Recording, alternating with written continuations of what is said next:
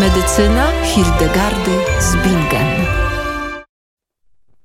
Elżbieta Roman, dobry wieczór. Witam wszystkich, którzy kochają cenią, e, chodzą szlakami Hildegardy z Bingen, e, a trzeba powiedzieć, że ta niezwykła mniszka przyciąga kolejne rzesze e, ludzi, którzy pasjonują się tym, e, co Hildegarda robiła w XII e, wieku. I e, to jest czas, żeby powiedzieć parę słów o niej, bo mówimy o medycynie Hildegardowej, mówimy o dziełach Hildegardy, ale to właśnie jej życie, jej biografia były tym, co zafascynowały mnie, kiedy poznawałam tę niezwykłą niezwykłą y, kobietę y, średniowiecza. Była średniowieczną mniszką, ale wyprzedziła swój czas o dobre kilka wieków. E, nazywana była reformatorką, wizjonerką i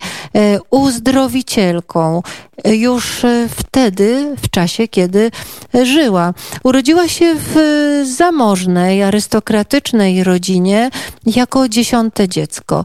I matka z radości, że jeszcze jej się taka cudna dziewczynka urodziła, ofiarowała ją Bogu. Ale to nie znaczy, że oddała ją do klasztoru, jak niektórzy chcieliby mm, widzieć y, życie Hildegardy, mm, albo czasami znaleźć można gdzieś w opisach, że y, oddana została y, na służbę Bogu. Nie, to było oddanie w specjalne błogosławieństwo, to było mm, oddane, oddanie takie dziękczynne dziecka, które było zwyczajem wtedy w rodzinach szlacheckich e, niemieckich, e, to w Rupertsbergu, tam urodziła się e, Hildegarda i znowu jak w biografiach można znaleźć, że była niesfornym dzieckiem. Co to znaczy? Prawdopodobnie już mając trzy lata zaczęła mieć wizję Wizjonerką była nazywana już e, w czasie swojego życia, ponieważ widziała więcej. Pan Bóg dał jej taki niezwykły dar mm, zaglądania pod podszewkę stworzenia. Ja czasami mówię, że e, Pan Bóg zdradzał jej e, tajemnicę raju. Jak wyglądał świat, kiedy był nieskażony, jakie zasady nim rządzą, jak funkcjonuje natura, jak funkcjonują planety, jak funkcjonują żywioły. Y, to wszystko opisywała Hildegarda w swoich dziełach, ale najpierw mm, miała zaledwie 8 lat, kiedy zaczęła e, być uczennicą przyklasztornej szkoły dla dziewcząt z, ze szlacheckich domów. Tam e, nauczycielką e, jej była jej ciotka Judyta, która zresztą później również umarła w opinii świętości. Hildegarda chciała się uczyć, chciała czytać i pisać, a w tamtych czasach dziewczęta z dobrych domów mogły uczyć się śpiewać, grać, haftować albo tańczyć, a ona chciała e, znać pismo. E, I ta znajomość pisma, którą posiadała w e, szkole, bardzo jej się przydała, bo miała około 42-43 lata. Była już mniszką, bo postanowiła jako nastolatka, że chce zostać mniszką. Przyjęła habit benedyktyński i y, została przełożoną y, klasztoru, y, który stworzyła i miała 43 lata, kiedy zaczęła spisywać swoje niezwykłe wizje. Ale powiedzieć trzeba, że to nie było takie wszystko łatwe i proste. Zacząć trzeba od tego, że w czasie Hildegardy z Bingen, to był wiek XII, ona urodziła się w 1198 roku, a zmarła w 1179. Początek wieku XII, kiedy ona miała kilkanaście lat, nie było żeńskich klasztorów y, na świecie. Dzisiaj wydaje się, niektórzy sobie żartują, że tyle jest klasztorów i zgromadzeń zakonnych, że nawet sam Pan Bóg nie policzy, ile jest żeńskich klasztorów. No, w czasie Hildegardy, czyli wiek XII, nie było, były tylko męskie zgromadzenia zakonne, a Hildegarda chciała, żeby mniszki, żeby kobiety miały swój klasztor ze swoją regułą i była tak uparta w swoim działaniu, y, miała też poparcie biskupa miejsca, y, który zresztą był jej kuzynem i dobrze rozumiał dążenia Hildegardy do stworzenia klasztoru dla kobiet, y, że wspierał jej działania. I kiedy papież pozwolił, Hildegarda stworzyła regułę pierwszego benedyktyńskiego klasztoru dla kobiet, no i tak została reformatorką kościoła, założyła założyła klasztor żeński, najpierw w Rupertsbergu, później w Eibingen. E, niemal 100 kobiet było mieszkankami e, tego pierwszego klasztoru benedyktyńskiego e, dla niewiast. To niezwykłe dzieło Hildegardy sprawiło, że została wybrana na przeorysze założonego wtedy z zgromadzenia sióstr benedyktynek.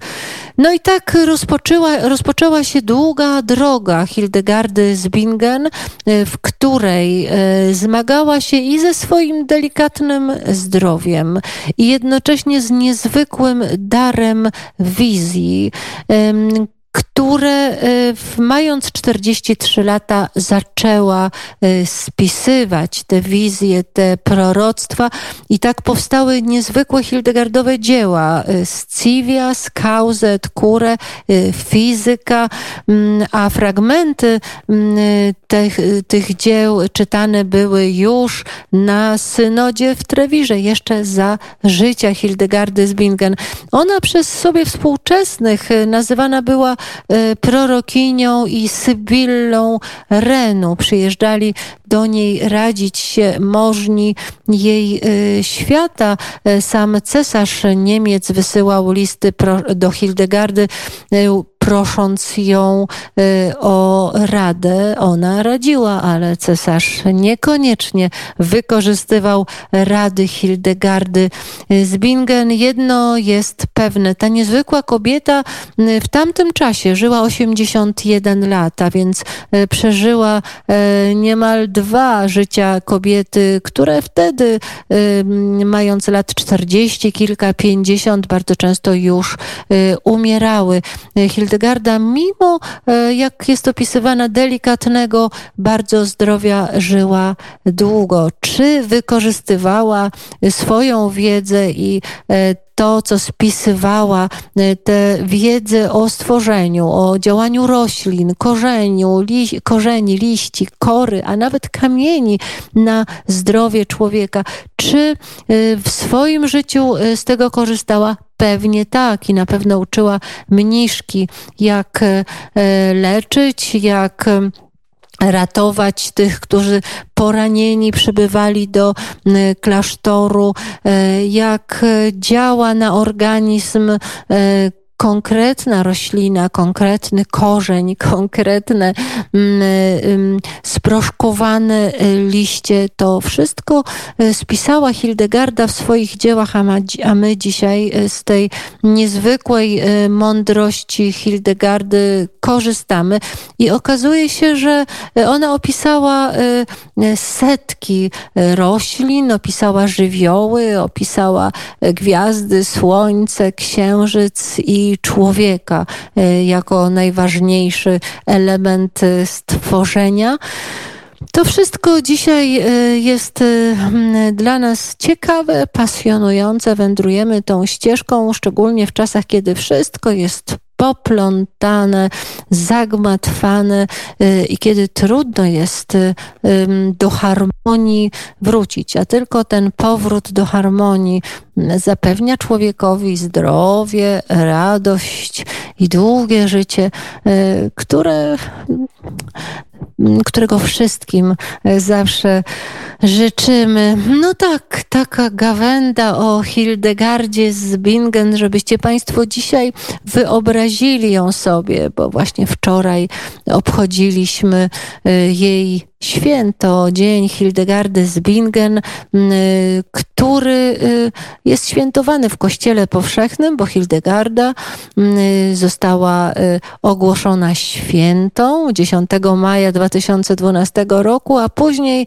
tego samego roku, w październiku 7 została ogłoszona przez papieża Benedykta XVI doktorem Kościoła. To już taki najwyższy zaszczyt, jaki może spotkać świętego, mądrego człowieka. No i ten zaszczyt spotkał Hildegardę z Bingen, a my mamy zaszczyt podążać za tym niezwykłym dziełem. No i cóż gawędę o Hildegardzie, y, żeby można było tę jej postać sobie niemal zwizualizować.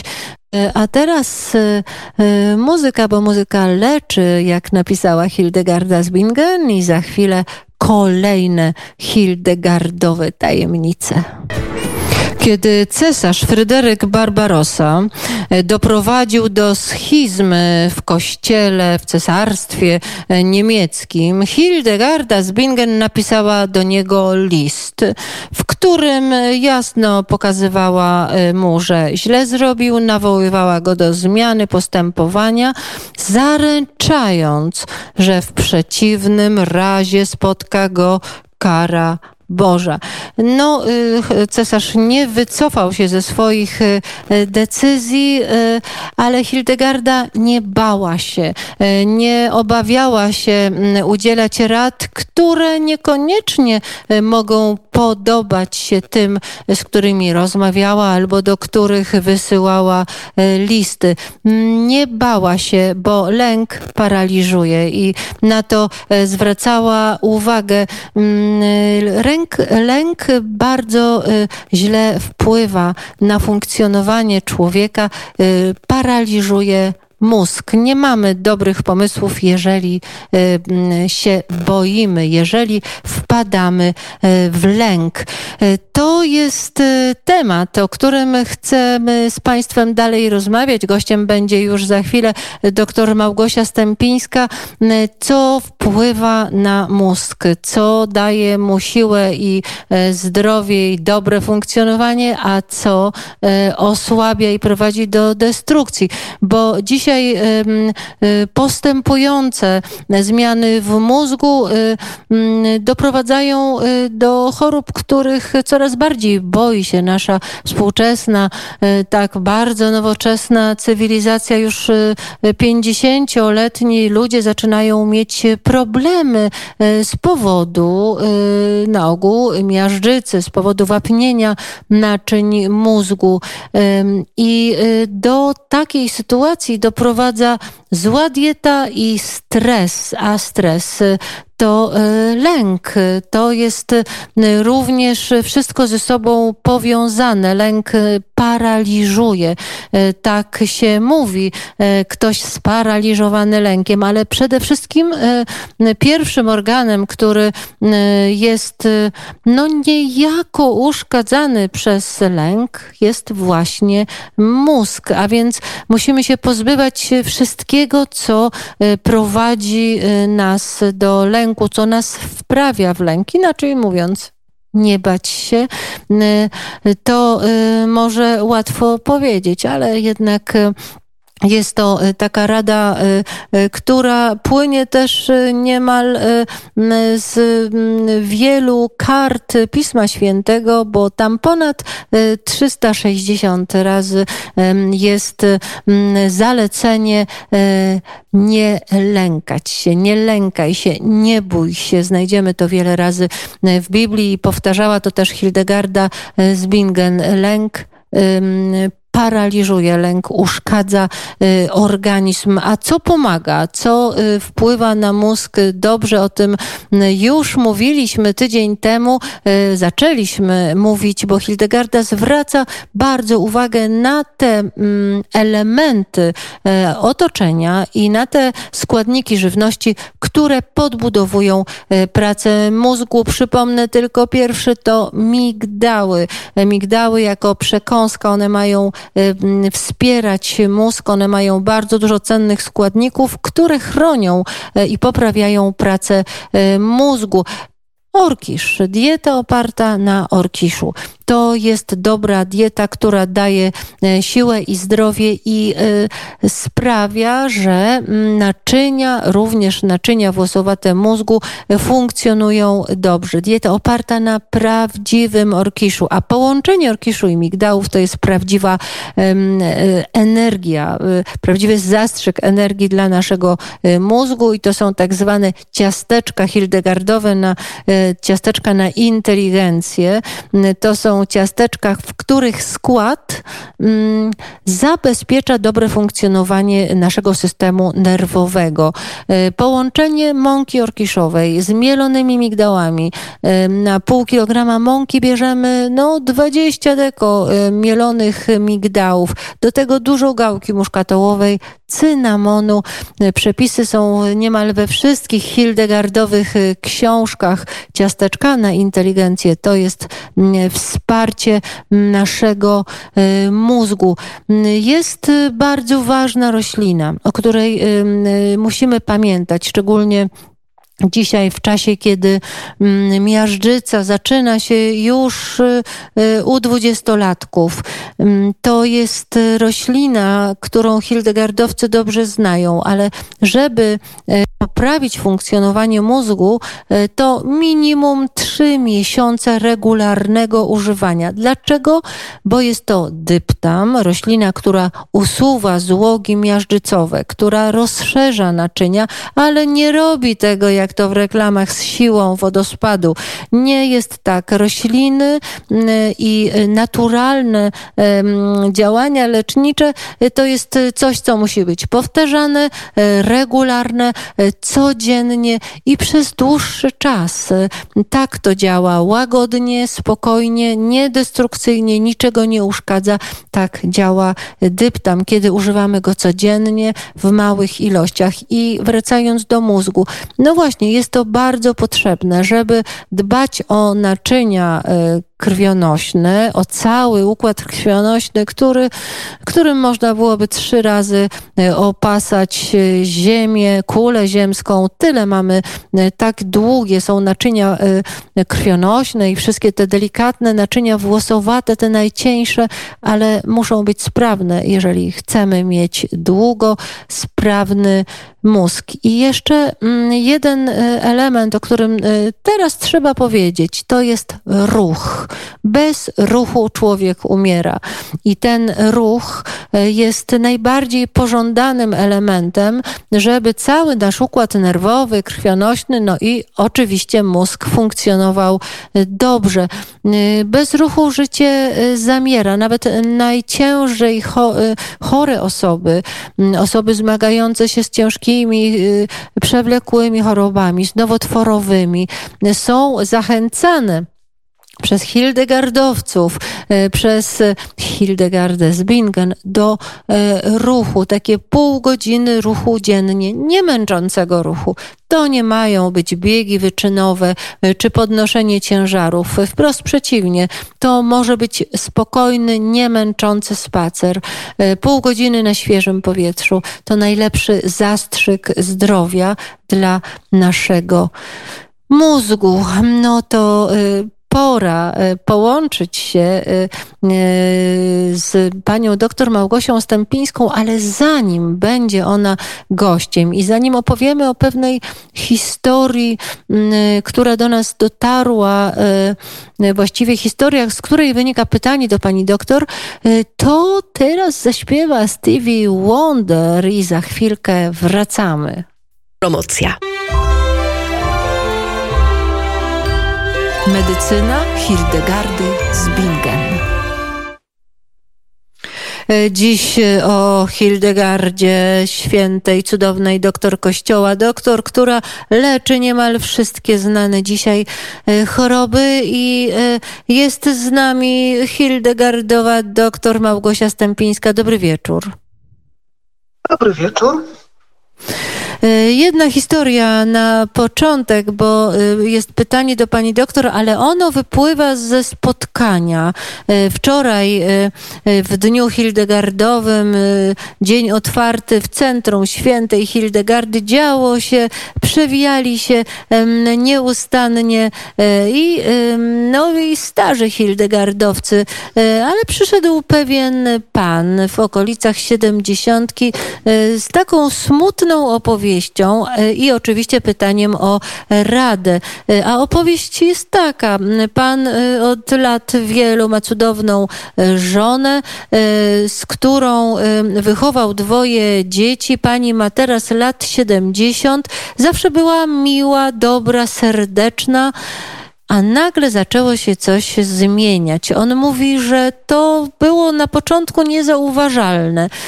Y, od paru miesięcy y, ona y, nagle miała takie chwile, że zaczynała szukać na przykład jakiejś galaretki, która była schowana w szufladzie w kuchni, po czym nie, nie znajdując tego, czego szuka, zaczęła posądzać męża, że on to wynosi z domu, że on to gdzieś chowa.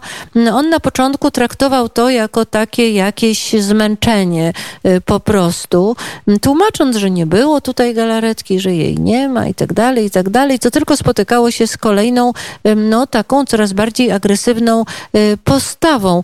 Ta sytuacja u jego żony zaczęła się bardzo pogłębiać i on mówi, że teraz y, to po prostu kiedy e,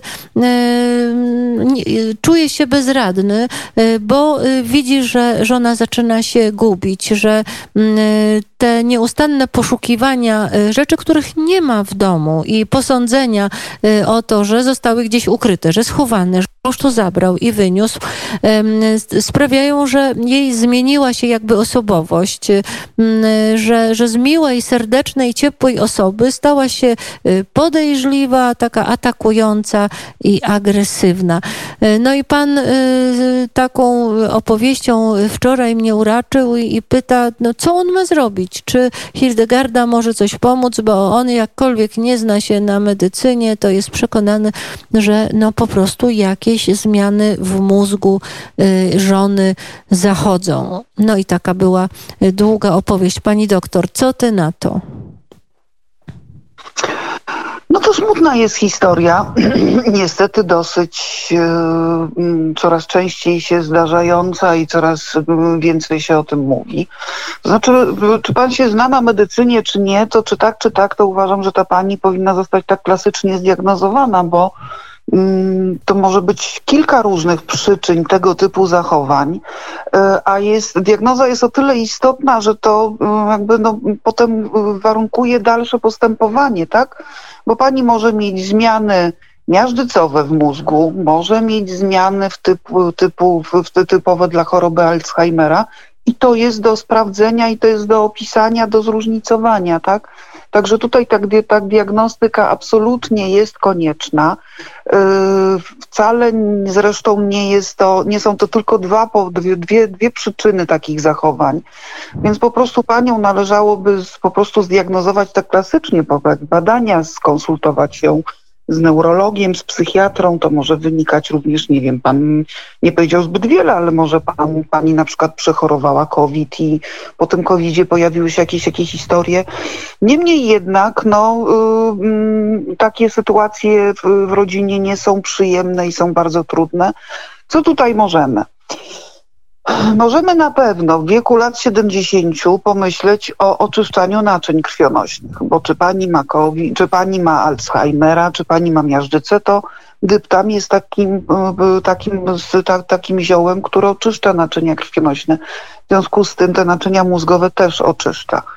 Można by było pani zaproponować y, wino z napój z pietruszki, tak, żeby porozszerzać te drobne naczynka, żeby jeszcze te ogniska, te, te miejsca w mózgu uległy lepszemu ukrwieniu. Przepraszam, taką mam dygresję. Teraz mi przyszło do głowy, że u pani mogą być jakieś takie zmiany, no powiedziałabym organiczne w wcale wiąże miażdżycą czy chorobą Alzheimera, więc tym bardziej zdiagnozowałabym, co się w tej głowie dzieje. E, to, ja jeszcze teraz wejdę, wejdę ci w słowo, wejdę ci w słowo, ponieważ e, pan e, mówił, że on próbował nieśmiało zasugerować żonie wizytę u lekarza, ale to się kończy tylko taką agresją słowną, że, że to jest jakiś, że, że nie ma po co, że, że, że przecież nic jej nie jest. A, a jeżeli chodzi o COVID, bo ja też o to zapytałam pana, czy pani chorowała na COVID, pan mówi, że nie, ale pani dwa razy się zaszczepiła zaszczepiła i że no, takiej stwierdzonej y, choroby nie miała, że przechodziła jakieś przeziębienia, ale się nie badała.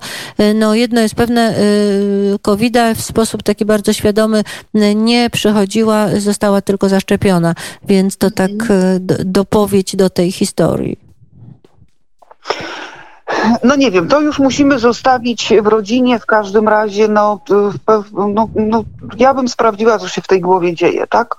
Yy, mm, Jak przekonać osobę, która nie chce pójść do lekarza i nie chce się badać, yy, a jednocześnie no, widać, że takie zmiany w mózgu są, że są zmiany w zachowaniu, że, że no, yy, no jest problem. Jak przekonać? Że to się u niej zmieniło, tak? To nie jest tak, Tak, nie ma żadnej świadomości. Nie, nie przyjmuje do wiadomości. nie tak. Mhm. Tak. No dobrze, to zostawmy ten temat, bo to jest bardzo trudny temat. Myślę, że przyjdzie taki moment, że pani da się przekonać. W każdym razie tak, możemy pomyśleć o dyptamie, możemy pomyśleć o napoju z pietruszki, ale myślę, że przede wszystkim powinniśmy pomyśleć o takiej podstawowej diecie, to znaczy na pewno Y, y, odstawić pani pszenną mąkę i przejść na orkiszową dietę, bo orkisz bardzo dobrze działa, tam mam sporo witamin z grupy B, które są niezbędne dla funkcjonowania mózgu. Y, serotonina, znaczy tryptofan, który w niej jest jako budulec dla serotoniny, też jest nie bez znaczenia dobrej jakości białko, w związku z tym na pewno dieta orkiszowa, na pewno migdały jada, y, y, których pani powinna zjadać jakieś 5-10 sztuk dziennie. Migdały są niezwykle y, ważne dla mózgu. Pamiętasz swoje ulubione cytaty świętej Pamiętam, to ja teraz zacytuję. Pozwól, tak, kto ma pusty mózg i brzydką twarz, niech zjada kilka migdałów dziennie, a problem odejdzie jak ręką odjął, tak napisała Hildegarda. Tak, migdały słodkie, one mogą być ugotowane trochę, takie, żeby były dla tych, którzy mają problemy z gryzieniem, bardziej miękkie czy moczone przez noc. 5-10 migdałów dziennie jak najbardziej kasztany jadalne, które są bardzo, mają y, dużo właściwości odżywczych takich dla mózgu. Tych kasztanów też tak do, do 10 dziennie, 5-6 kasztanów zjeść dziennie. Jak nie ma kasztanów i nie mamy dostępu, nie mamy możliwości ugotowania sobie kasztanu, bo dla mózgu najlepsze gotowane, e, to wtedy po prostu budyń z mąki kasztanowej. Mąkę kasztanową Nasz można ulubieniec. I, i pić, y, stosować budyń z mąki kasztanowej. To z takich podstawowych y, produktów, które w medycynie świętej Hildegardy są powszechnie stosowane. Gałka muszkatułowa, cynamon, bertram, galgant, to te, te cztery te, te, te takie podstawowe zioła, które też stosujemy na co dzień u świętej, y, stosując dietę świętej Hildegardy. To są rzeczy, o których zawsze można pomyśleć. Ja zresztą przygotowuję budyń z mąki kasztanowej codziennie rano, właśnie z gałką muszkatułową, z mieloną bertramem, galgantem, cynamon i gałka muszkatułowa. Mm, także y, to zawsze warto o tym pomyśleć. Można robić te ciasteczka na inteligencję, gdzie jest cały zestaw ziół podstawowych żeby poprawić pani nastrój, bo pani może mieć również wcale w tej głowie, tam w mózgu nie muszą siedzieć jakieś zaburzenia, pani po prostu może mieć takie zaburzenia nastroju, tak? Yy, trzeba pomyśleć by było wtedy o hyzopie. Hyzop, który ładnie działa uspokajająco, oczyszcza czarnej żółci, yy, więc hyzop jako przyprawa do wytrawnych posiłków, bo już nie do takich słodkich jak budyń z mąki kasztanowej. Ale Właśnie, hyzop to jest, To jest, jest cudowny y, przepis hildegardowy na przykład na e, kurczaka z hyzopem. E, hyzop e, wtedy jest taką bardzo ciekawą przyprawą, która nadaje piękny smak, a jednocześnie jest lekarstwem, bo tutaj trzeba pamiętać, że u Hildegardy żywność, która leczy, to co jemy ma być naszym lekarstwem i dlatego dodajemy te wszystkie hildegardowe rośliny do naszej żywności. To, co powiedziała y, pani doktor, że mm, y, hyzop w tym momencie, że on jest taki oczyszczający, no to mm, pokrop mnie hyzopem, a stanę się czysty. Cytat biblijny, który y, dobrze znamy, mm, a to właśnie hyzop, który oczyszcza wątrobę, daje też poprawę związaną z funkcjonowaniem całego systemu, a więc mózgu, układu nerwowego i, no i często przy takich zaburzeniach psychicznych y, właśnie dobrze jest hyzop podać. Ale hyzop chyba wtedy w proszku, prawda, dodawać do pożywienia. Tak, ale można hyzop po prostu zaparzać i robić herbatkę z hyzopu yy, również. E, bardzo ważne w diecie jest również są oleje e, roślinne, czyli nienasycone kwasy tłuszczowe, bo one są bardzo potrzebne dla dobrego funkcjonowania błon komórkowych, a tak naprawdę w mózgu. Wszystko się dzieje na szybkich takich przez, prze, przemianach na błonach komórkowych, żeby one były bardziej elastyczne, e, wszystkie tkanki mózgowe, także te nienasycone kwasy tłuszczowe, czyli dobrej jakości oleje Y, czy dobra oliwa, czy oleje różne, różnego pochodzenia, ale żeby to były oleje po prostu dobrej jakości, y, z, w ciemnych naczyniach przechowywane. Pani powinna tego zjadać minimum dwie łyżki stołowe dziennie na surowo, to znaczy można to pani wlać do zupy, można pani to podać w jakiejś sałatce, tak? Y, w każdym razie to jest na pewno bardzo ważne no nie wiem, no bardzo, bardzo to jest rozległy temat, tak? Taki, no y, mam świadomość, że niezwykle trudne dla domowników i osób, które patrzą, jak ta ukochana, najbliższa osoba y, zaczyna wchodzić w inny świat i w inne realia. Y, ale mm, no tutaj możemy zastosować takie rzeczy, y, którymi można pomóc. Ja miałam taką pacjentkę z bardzo zaawansowaną już chorobą, chorobą Alzheimera, której ta dieta i takie zmiany radykalne w życiu, które przeprowadził zresztą jej niezwykły opiekun, wcale nie najbliższa rodzina, tylko po prostu pan, który został z, z, zdecydował się opiekować tą panią, mm, przyszedł do, na kolejną wizytę po sześciu tygodniach chyba od pierwszej wizyty. To pani była naprawdę no, jakościowo jej stan się zmienił. No, byłam sama zaskoczona e, tym, jak bardzo można wiele zrobić, będąc konsekwentnym, wytrwałym i, i mieć pacjenta, który współpracuje, tak? No bo e, tutaj też jest niestety bardzo ważna współpraca pacjenta, bo są pacjenci, którzy będą się dostosowywali do naszych porad, do naszych zaleceń, do, do tego, co im podajemy, a będą tacy, którzy powiedzą, że oni tego nie chcą, tak? Natomiast bardzo to jest z pacjentką z Alzheimerem. Bardzo, bardzo Właśnie, miłe, bardzo jest... takie budujące. Bardzo budujące. Ja Państwu powiem, ponieważ też znam troszkę tę historię. E, pani nie miała bliskiej rodziny, która mogłaby się nią zaopiekować i opieką ją objął e, młody, sympatyczny organista z tej parafii, w której pani mieszkała. On widział tę wielką potrzebę i to on przyjeżdżał do pani doktor na wizytę w imieniu tej właśnie swojej opiekunki on starał się zapewnić jej e, tą e, dietę, a więc to bardzo ważna i, ważna i piękna Ale ja, historia. Ja muszę tu sprostować Elżbieto, bo byłabym nie uwierzyła, gdyby nie to, że ja tą panią widziałam na kolejnych dwóch wizytach. Tak, tak później pani tak, sama też przyjechała. tylko, ale ja po prostu tak. widziałam zmianę pani. Tak, pani y, później y, przyjechała, rzeczywiście to jest y, fakt, ale też drugi taki niezwykle radosny fakt, w który to nie jest kwestia wiary, to jest kwestia doświadczenia. Jak bardzo zmiana diety zmienia sytuację organizmu. Tu mówimy o pracy mózgu, o Alzheimerze, o wychodzeniu z tych poprawianiu sytuacji w tych ciężkich stanach i to się dzieje, proszę Państwa. Zmiana diety to jest, to jest jak zmiana epokowa. To jest coś ogromnie mm, ważnego i wiele sytuacji trudnych w organizmie, wiele chorób, wiele na przykład mm, zmian bólowych, bo często ból, z którym ludzie zmagają się miesiącami, czasami bardzo długo, przy y, zastosowaniu się do tego, co mówiła Hildegarda, odstawić trucizny, zmienić dietę, przejść na to, co jest y, najlepszym pożywieniem dla człowieka, co jest jak mleko matki dla niemowlęcia, tak orkisz jest dla człowieka najlepszym pożywieniem. Prawdziwy orkisz daje takie efekty w połączeniu z tymi hormonami kuchni, czyli z roślinami hildegardowymi. Pani doktor, jeszcze jedno pytanie, bo to jest zawsze ważne i też e, Państwo o to e, pytacie, bo dyptam można łączyć z winem pietruszkowym. E, jak to zrobić? To jeszcze powiedzmy. Ja najczęściej polecam pacjentom, żeby sobie ten dyptam dosypywali do tego kieliszeczka z winem pietruszkowym.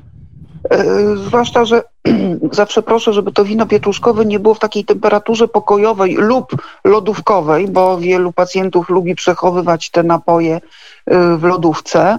Tak zresztą, znaczy, y, y, i wtedy po prostu proszę, żeby dolewali do tego wina ciepłą wodę, żeby ono było w takiej temperaturze tam około 20, około 30 stopni, żeby było ciepłe. I wtedy można dyptam po prostu rozpuścić, dosypać do tego wina i wypić. Dyptam się nie rozpuści, Y, będzie trochę drapał w gardło, ale najczęściej proponuję tak pacjentom, ale często też jak widzę, że pacjent może mieć problem z takim dosypywaniem, z przełknięciem tego, to proszę, żeby po ugotowaniu napoju z pietruszki i po usunięciu tej zielonej pietruszki jeszcze dosypał do tego ciepłego wina Yy, na litr wina jedną, czasem nawet dwie łyżki stołowe dyptamu i żeby sobie po prostu ten dyptam w tym winie był i przed każdym użyciem napoju z pietruszki, czyli wypiciem kieliszka tego wina, trzeba wstrząsnąć porządnie tą butelką, i wtedy mamy napój z pietruszki z dyptamem. Zwłaszcza, że ten dyptam puści trochę, będąc w tym winie, on się tam maceruje, puści soków i to jest dobry pomysł, bo sam dyp tam nie jest dobry, no nie jest smaczny. Przełknięcie jest lekko jest gorzki. Ekstremalnym przeżyciem. Jest lekko gorzki, ale na przykład no, mi smak deptamu absolutnie nie przeszkadza. Może też dlatego, że jeżeli coś przyjmiemy mózgiem, to wtedy zupełnie inaczej e, na to patrzymy e, i inaczej też odbieramy i działanie, i zastosowanie, no i też smak. E, jest lekko gorzkawy, ale ja go dodaję nawet do budyniu, mojego ulubionego budyniu kasztanowego. Pani doktor, no bardzo dziękuję. Dziękuję za e, opowieść, e, jak wspierać mózg w takiej sytuacji trudnej, jak wspierać organizm. I tutaj znowu właściwie kłania się e, całe, kłaniają się podstawy tej medycyny hildegardowej, że zajmujemy się całym człowiekiem, bo żeby dobrze funkcjonował mózg, no to no, musimy wspierać cały system i tak robią te wszystkie hildegardowe rośliny. Może jeszcze tutaj warto też byłoby chyba wino piołnowe, jak myślisz? Czy y, ten, ten napój piołnowy? Tak, no to wino piołnowe rzeczywiście powinnam jako jedno z pierwszych wymienić, ale się tutaj w moich wyobrażeniach na temat tej pani zagalopowałam trochę i mi uciekło tak, jak najbardziej napój z pierwszych napój z pietruszki, piołunu, dyptam, yy, migdały, kasztany, orkisz i wszystkie podstawowe te, te, te, te przyprawy hildegardowe. No i to jest właśnie tak, że nie musimy, może nie musimy dużo, ale jednak dietę trzeba zmienić no, i to jest. Pamiętać o oczyszczaniu y, sezonowym naszego organizmu z tak zwanej czarnej żółci, y, czyli o zastosowaniu y, przewłogi z gruszką, tak? I tu znowu wracamy do punktu wyjścia, że jak się chce wyleczyć człowieka, to trzeba pomyśleć o nim jako o całości, a nie tylko, że on ma jakiś dysfunkcyjny mózg, tak? Właśnie, to jest y, medycyna Hildegardy Zwingen, to holistyczna medycyna. Pani doktor Małgosia Stępińska była z nami. Bardzo dziękuję pani doktor i życzę dobrej nocy. Dziękuję bardzo nawzajem. Dobrej nocy dla wszystkich. No i tak właśnie y, pora teraz y, y, z Michałem Tęsnym nad muzyką się pochylić. Michał, który realizuje nasz program Studio przy Krakowskim Przedmieściu, to on sprawia, że ta muzyka tak, tak brzmi. No i niech zabrzmi właśnie. Słów Hildegarda nazywała zaburzenia e, w pracy mózgu człowieka i mówiła, że człowiek, który traci zmysły, jest jak statek płynący bez kapitana po wzburzonym morzu, który rozbija się w czasie sztormu. A więc e, dbajmy o to, e, czego dostarczamy naszemu mózgowi. Im mniej bodźców od samego rana, im spokojniej, tym lepiej. Takiego spokojnego poranka Państwu życzę. A jeszcze jedna y, ciekawostka. Kiedy odwiedzałam takie bardzo interesujące miejsce, nazywa się to Centrum Da Vinci, jest niedaleko y, Kielc, taki duży kompleks, w którym króluje, mm, no właśnie, królują różne y, cudowne wynalazki. To a propos pracy mózgu, co tam znalazłam? Otóż żonglowanie. E, żonglowanie e, bardzo dobrze poprawia pracę naszego e, mózgu. Wystarczy wziąć dwie, a najlepiej trzy piłeczki i zacząć ćwiczyć, mm, bo lepiej jest zapobiegać niż leczyć i to właśnie o to chodzi, mm, żebyśmy y, y, jak najlepiej utrzymywali tę cudowną szatę, jaką jest nasze ciało, nasz organizm tak cudownie y, utkane, żebyśmy jak najlepiej utrzymywali aż do momentu, kiedy przyjdzie je oddać kiedyś tam. Ale to właśnie takie różne y, drobne mm, sposoby, różne dobre sposoby, ruch na świeżym powietrzu i żonglowanie. Kto potrafi żonglować, może już teraz próbować, bo niektórzy też mówią o tym, że rozwiązywanie krzyżówek sprawia, że te nasze połączenia w mózgu tam dobrze funkcjonują, a więc wysiłek intelektualny tak, ale bardzo ciekawe jest to, żeby pożonglować, poruszanie e, e, rąk, śledzenie tych e, piłeczek, to ćwiczenie tej umiejętności bardzo dobrze wpływa na mózg. No i oczywiście dobra dieta, orkisz, wino piołnowe, wino pietruszkowe, ciasteczka na inteligencję i dyptam, czyli krzew gorejący. I jest jeszcze coś, do czego teraz Państwa namawiam. Sen. To jest y, bardzo dobry odpoczynek, y, a mózg wtedy się regeneruje. Sen i to jeszcze w pomieszczeniu, w którym nie ma światła, nie ma żadnych lampek nocnych, innych światełek, gdzie odcinamy się. Im y, gęstsza ciemność, tym lepiej dla naszego snu i dla naszego mózgu, tym lepiej nam się śpi i lepiej mózg odpoczywa w ciemności. A więc starajmy się, żeby żadne migające światełka, żeby telefony były daleko, żeby nic nam snu nie zakłócało, a wtedy będzie dobrze. I takich dobrych snów y, Państwu życzę. Bardzo dziękuję. E, Michał Tęsny realizował nasz program w studio przy krakowskim przedmieściu. Ja dzisiaj żegnam Państwa ciągle z cysterskiego Pelplina, a jutro w ukrytych skarbach będą tajemnice pelplińskiej katedry i różnych innych skarbów z tego kociewskiego miejsca. Na dzisiaj to tyle. Bardzo dziękuję. Dobrej nocy.